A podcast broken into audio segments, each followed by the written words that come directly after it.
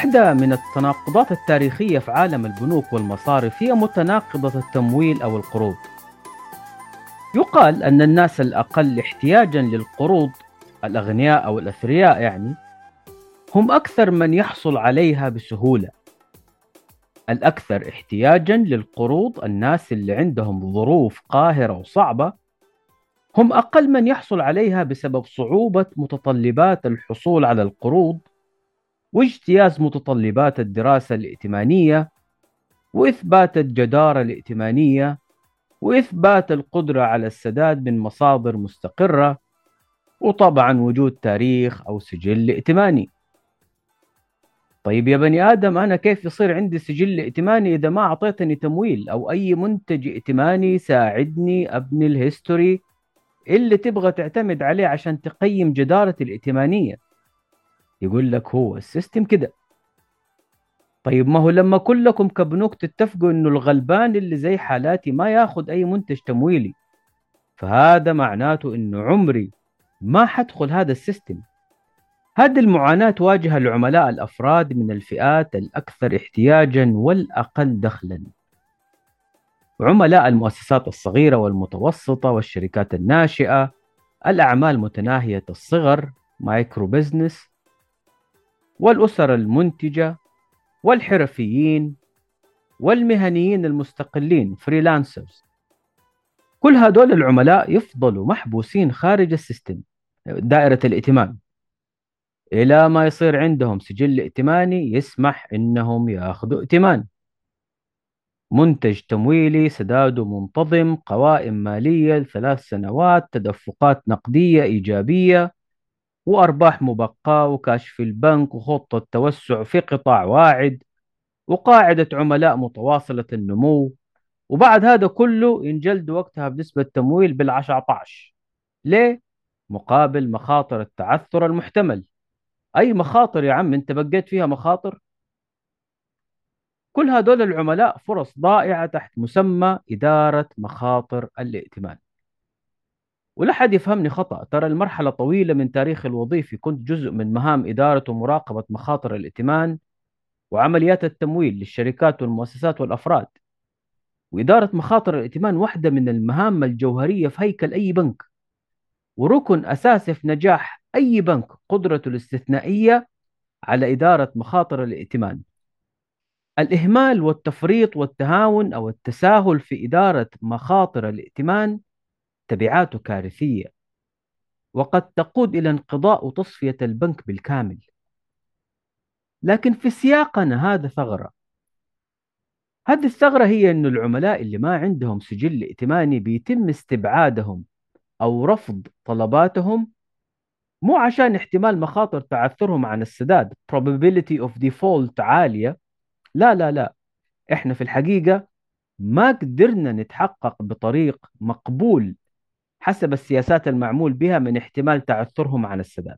فساويناهم بالعملاء اللي مخاطر تعثرهم عالية إيثارا للسلامة. وهذا مجرد وصف واقع للمصرفية التقليدية في جميع أسواق العالم بلا استثناء. هذه مبادئ إدارة مخاطر الائتمان بالسياسات والإجراءات المعتمدة في معظم بنوك العالم اليوم.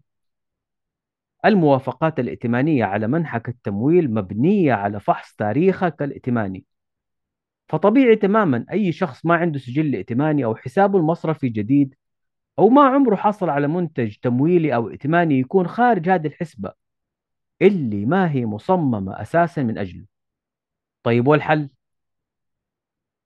ظهرت في آخر عشر سنوات تطبيقات جديدة وبدائل للتصنيف أو الترقيم الائتماني كريدت سكورينج سميته الترقيم الائتماني لأنه عملية احتساب الجدارة الائتمانية بيكون نتيجتها في الممارسات الشائعة في معظم أسواق العالم رقم نهائي محصلة. هذا الرقم كل ما كان قريب من الحد الأعلى فهذا معناه جدارة ائتمانية عالية وبالتالي احتمال منخفض للتعثر أو التخلف عن السداد. وبطبيعة الحال كل ما كان هذا الرقم منخفض فهذا معناه أن الجدارة الائتمانية منخفضة وأنه احتمال التعثر أو التخلف عن السداد عالي وبالتالي يرفض طلب العميل للتمويل. زي ما قلت لكم ظهرت في آخر عشر سنوات عدة تطبيقات. على سبيل المثال Zhima Credit في الصين من 2015 هي أول شركة ائتمان مستقلة تبدأ عملها في التصنيف الائتماني. قبل كده كان هذا النشاط محظور على القطاع الخاص العمل فيه. Zhima Credit تابعة لبنك النملة أو Ant Financial Group و Zhima يعني سمسم ائتمان السمسمة. زيما كريدت. لازم تلاحظوا هنا إنه علي بابا الشركة الأم جاك ما العبقري الصيني كل شيء بيحاول يعمله في علي بابا هو إثبات كيف إنه الأشياء الصغيرة ممكن تخلق قيمة كبيرة؟ من النملة للسمسمة لمنتجات الاستثمار اللي تفتح للأفراد وصغار المستثمرين فرص الاستثمار العظيمة اللي ما هي متاحة غير لكبار المستثمرين وتبدأ الاستثمار بدولار واحد بس. برنامج Zhima Credit يعتمد على بيانات عملاء ألي بابا تفاعلاتهم على المنصات التابعة سواء منصات الرسائل أو المدفوعات Alipay أو المتاجر المختلفة وقنوات التسوق المتعددة. تجمع كل هذه البيانات وتصنفها وتحللها وتخرج ب score يحدد جدارتك الائتمانية. بطبيعة الحال من ضمن البيانات اللي بيجمعوها بعض البيانات الشخصية غير المالية زي إيميلك مثلا حساباتك على وسائل التواصل منشوراتك صورك أصدقائك وغيرها والهدف إحصائي إحصائي بحت. في علاقات تحليل البيانات الضخمة والذكاء الاصطناعي بيعرفها ويحدد من خلالها احتمال تخلفك أو تعثرك عن السداد.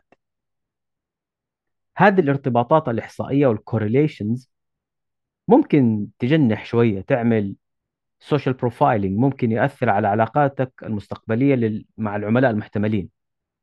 وينتهي لنتيجة قريبة من النماذج التقليدية. ناهيك عن بعض الخروقات المحتملة لمبادئ أو أنظمة حماية البيانات. طبعا هم بيصرحوا أنه في عندهم التزام عالي بحماية بيانات المستخدمين لكن ثلاث نقاط. ذكرت الموسم السابق نو بانك المصرف الرقمي البرازيلي واللي يعتبر أكبر بنك رقمي مستقل في العالم. بقاعدة عملاء تجاوزت هذا العام 60 مليون عميل. ذكرت وقتها أنه حوالي 90% من عملائهم فتحوا حسابات بالإحالة من الأهل والأصدقاء word of mouth. وهم استغلوا المعلومة دي وبنوا من خلالها social graph يستفيدوا منه في تحليل الجدارة الائتمانية من خلال دمج البيانات المالية بالبيانات غير المالية والبيانات السلوكية. وبعد كده الوصول ل credit score يساعد في عملية إدارة مخاطر الائتمان. وهذه باختصار شديد فكرة البيانات البديلة Alternative Data.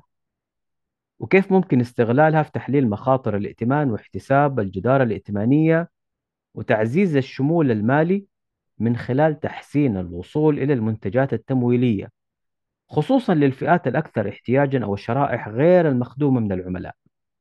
نموذج تحليل الجدارة الائتمانية عبر البيانات البديلة هو نموذج يمزج بين البيانات المالية والبيانات غير المالية والبيانات السلوكية وبيانات البصمة الرقمية. يخرج من تحليل كل هذه البيانات بتصنيف ائتماني. يتنبأ من خلاله باحتمال تخلف العميل عن السداد بعد الحصول على التمويل. وبناء عليه تتخذ الجهات المانحة للتمويل قرارها الائتماني بالمنح من عدمه. من البيانات البديلة مثلا وغير المالية بيانات درجات العميل في الجامعة أو في بعض الاختبارات المهنية وبيانات الاتصال. وتوصل مثلا لكم رقم مسجل على جوالك كم شريحة عندك. وكيف تستخدم الباقة؟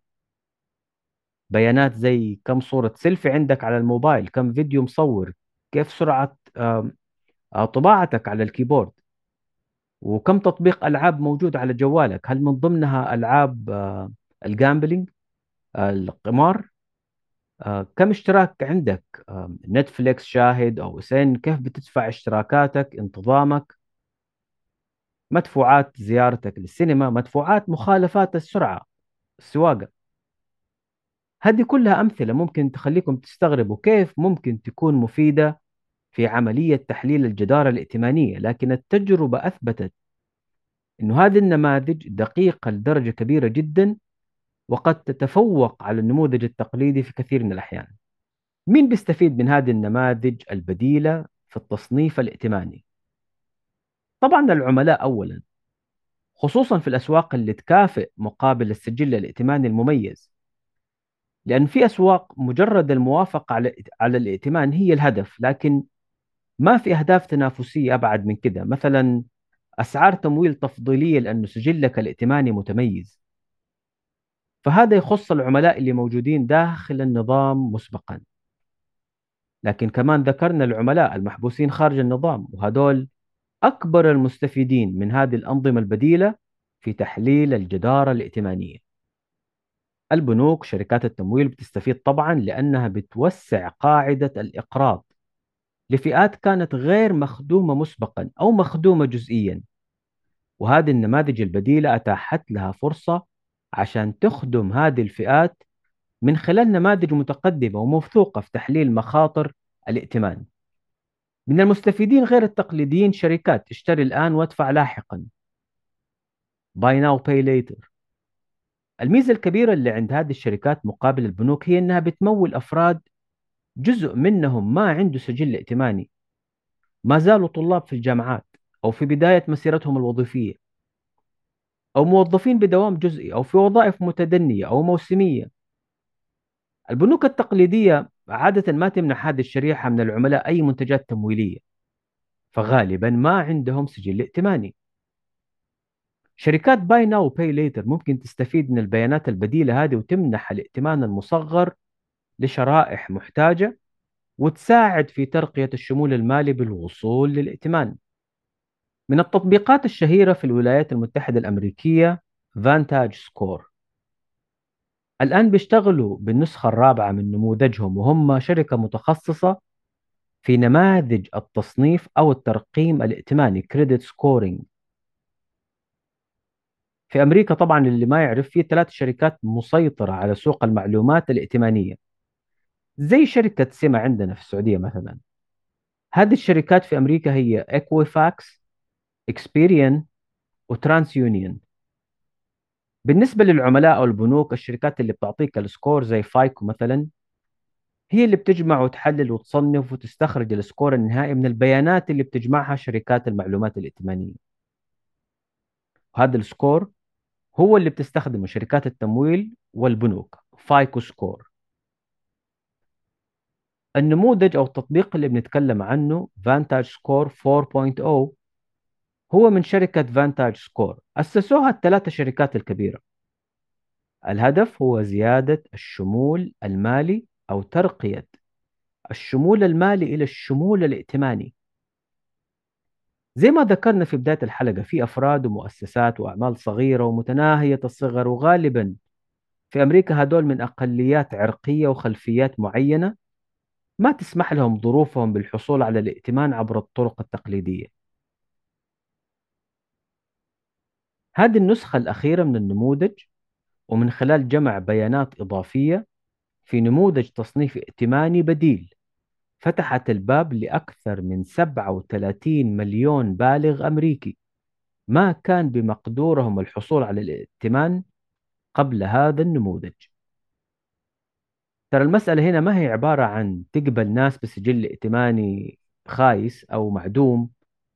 أو تخفض مسطرة ال score الائتماني وبدل ما تقبل على 600 نقطة في ال score تنزل ل 550 الشغلة ما هي راعينا وتوصى فينا وزود ثوم وكاتشب في الولايات المتحدة الأمريكية في اشتراطات تنظيمية في بناء نماذج التصنيف الائتماني تشترط أن النموذج يكون علمي تجريبي مبني على الدراسة موثق مجرب قابل للفحص. ويتنبأ باحتمال تخلف العميل عن السداد لمدة 90 يوم خلال 24 شهر التالية لحصوله على التمويل. وهذه النماذج محل فحص ورقابة ومراجعة. فالمسألة ما هي مجرد سكور والسلام. من الأمثلة الملهمة اللي مرت علي تطبيق زي تالا آب. هذا التطبيق يستخدم نموذج البيانات البديلة لتمويل العملاء بمبالغ ما بين 10 دولار إلى 500 دولار وبشروط سداد ميسرة. البيانات البديلة اللي بيجمعها التطبيق هذا حوالي 250 نقطة بيانات. التطبيق شغال الآن في كينيا والهند والفلبين والمكسيك. خدم أكثر من 6 ملايين عميل. بقروض يتعدى إجماليها 2.7 مليار دولار. أكثر من 10 مليار ريال. تالا آب جمع أكثر من 360 مليون دولار في جولات تمويل وتقييمه قريب من المليار دولار. والتطبيق في قائمة CNBC الشهيرة للشركات المزعزعة top 50 disruptors ترتيبها 22 في القائمة لهذا العام 2022 Tala app بيستخدم بيانات جوال العميل زي الرسائل النصية والمدفوعات المختلفة وغيرها من البيانات زي اللي ذكرناها سابقا مالية وغير مالية بصمة رقمية بيانات سلوكية. وخلال دقائق تصدر الموافقة على القروض. بحسب مقابلة مع المؤسِسة شيفاني سيرويا العملية بالكامل من إنك تروح لجوجل بلاي تنزل التطبيق تقدم طلب التمويل تحصل على الموافقة وتستلم الفلوس تاخذ أقل من دقيقتين. فلك أن تتخيل. وعلى فكرة باي بال وجوجل من المستثمرين في هذه الشركة. نموذج العمل المعتمد على الإقراض عبر الموبايل وشركات الاتصالات. نموذج رائج في أفريقيا وفي شرق وجنوب آسيا. البنك الدولي في تقريره عن الشمول المالي لعام 2021 لفت النظر لجزئية الإقراض خصوصا. وتكلم عن الدول النامية اللي يعتمد الإقراض فيها بشكل أساسي على الأهل والأصدقاء مو على المصادر الرسمية زي البنوك مثلا. وذكر عدة دول زي كينيا ومصر والأردن باكستان وغيرها. ومثل هذه الأسواق المأهولة بعدد كبير من السكان وفي نفس الوقت نسبة الشمول المالي فيها منخفضة والتعامل النقدي بالكاش فيها عالي تمثل نقطة جذب واختراق مهمة لتطبيقات المدفوعات الرقمية المدمجة مع خدمة الاتصالات. شركة كريدو لاب من الشركات المتخصصة في المجال أيضا من التطبيقات الواعدة. النموذج ممكن يدمج مباشرة مع أي تطبيق بنك وبيشتغل على جمع البيانات البديلة من جوال العميل يجمع ويحلل حوالي 500 ألف نقطة بيانات ويوصل لتصنيف ائتماني للعميل. كريدو لاب بيشتغلوا مع حوالي 49 بنك وشركة تمويل وفنتك في أكثر من 15 بلد حول العالم. ورغم عمر الشركة القصير نسبيا إلا أنه نموذجهم من النماذج اللافتة والواعدة واللي حصل على عدة جوائز. نختم بخبر عن تي باي الإماراتية وعزمها الدخول لنيجيريا وهو خبر نشر الشهر الماضي. بنفس الاستراتيجية اللي ذكرناها قبل شوية بالتعاون مع شركات الاتصالات النيجيرية. والهدف تمكين المدفوعات والتسوق الرقمي عبر الموبايل بحيث تكون عملية الدفع عن طريق باقة الاتصالات نفسها مسبقات الدفع أو مفوترة. نيجيريا عدد سكانها 200 مليون متوسط أعمارهم 18 سنة. استخدام الإنترنت حوالي 51% لكن 90% من السكان عندهم موبايل. وهذه نقطة الجذب اللي نموذج العمل بيركز عليها. كنموذج عمل مستند على الجوال كوسيلة اتصال ولعب ومراسلة أكثر منه وسيلة تصفح للإنترنت. البيانات البديلة في عالم متصل دائما قد تكون هي مستقبل إدارة مخاطر الائتمان. هذا التطور في المصرفية التقليدية مطلوب لضمان التنافسية في المستقبل.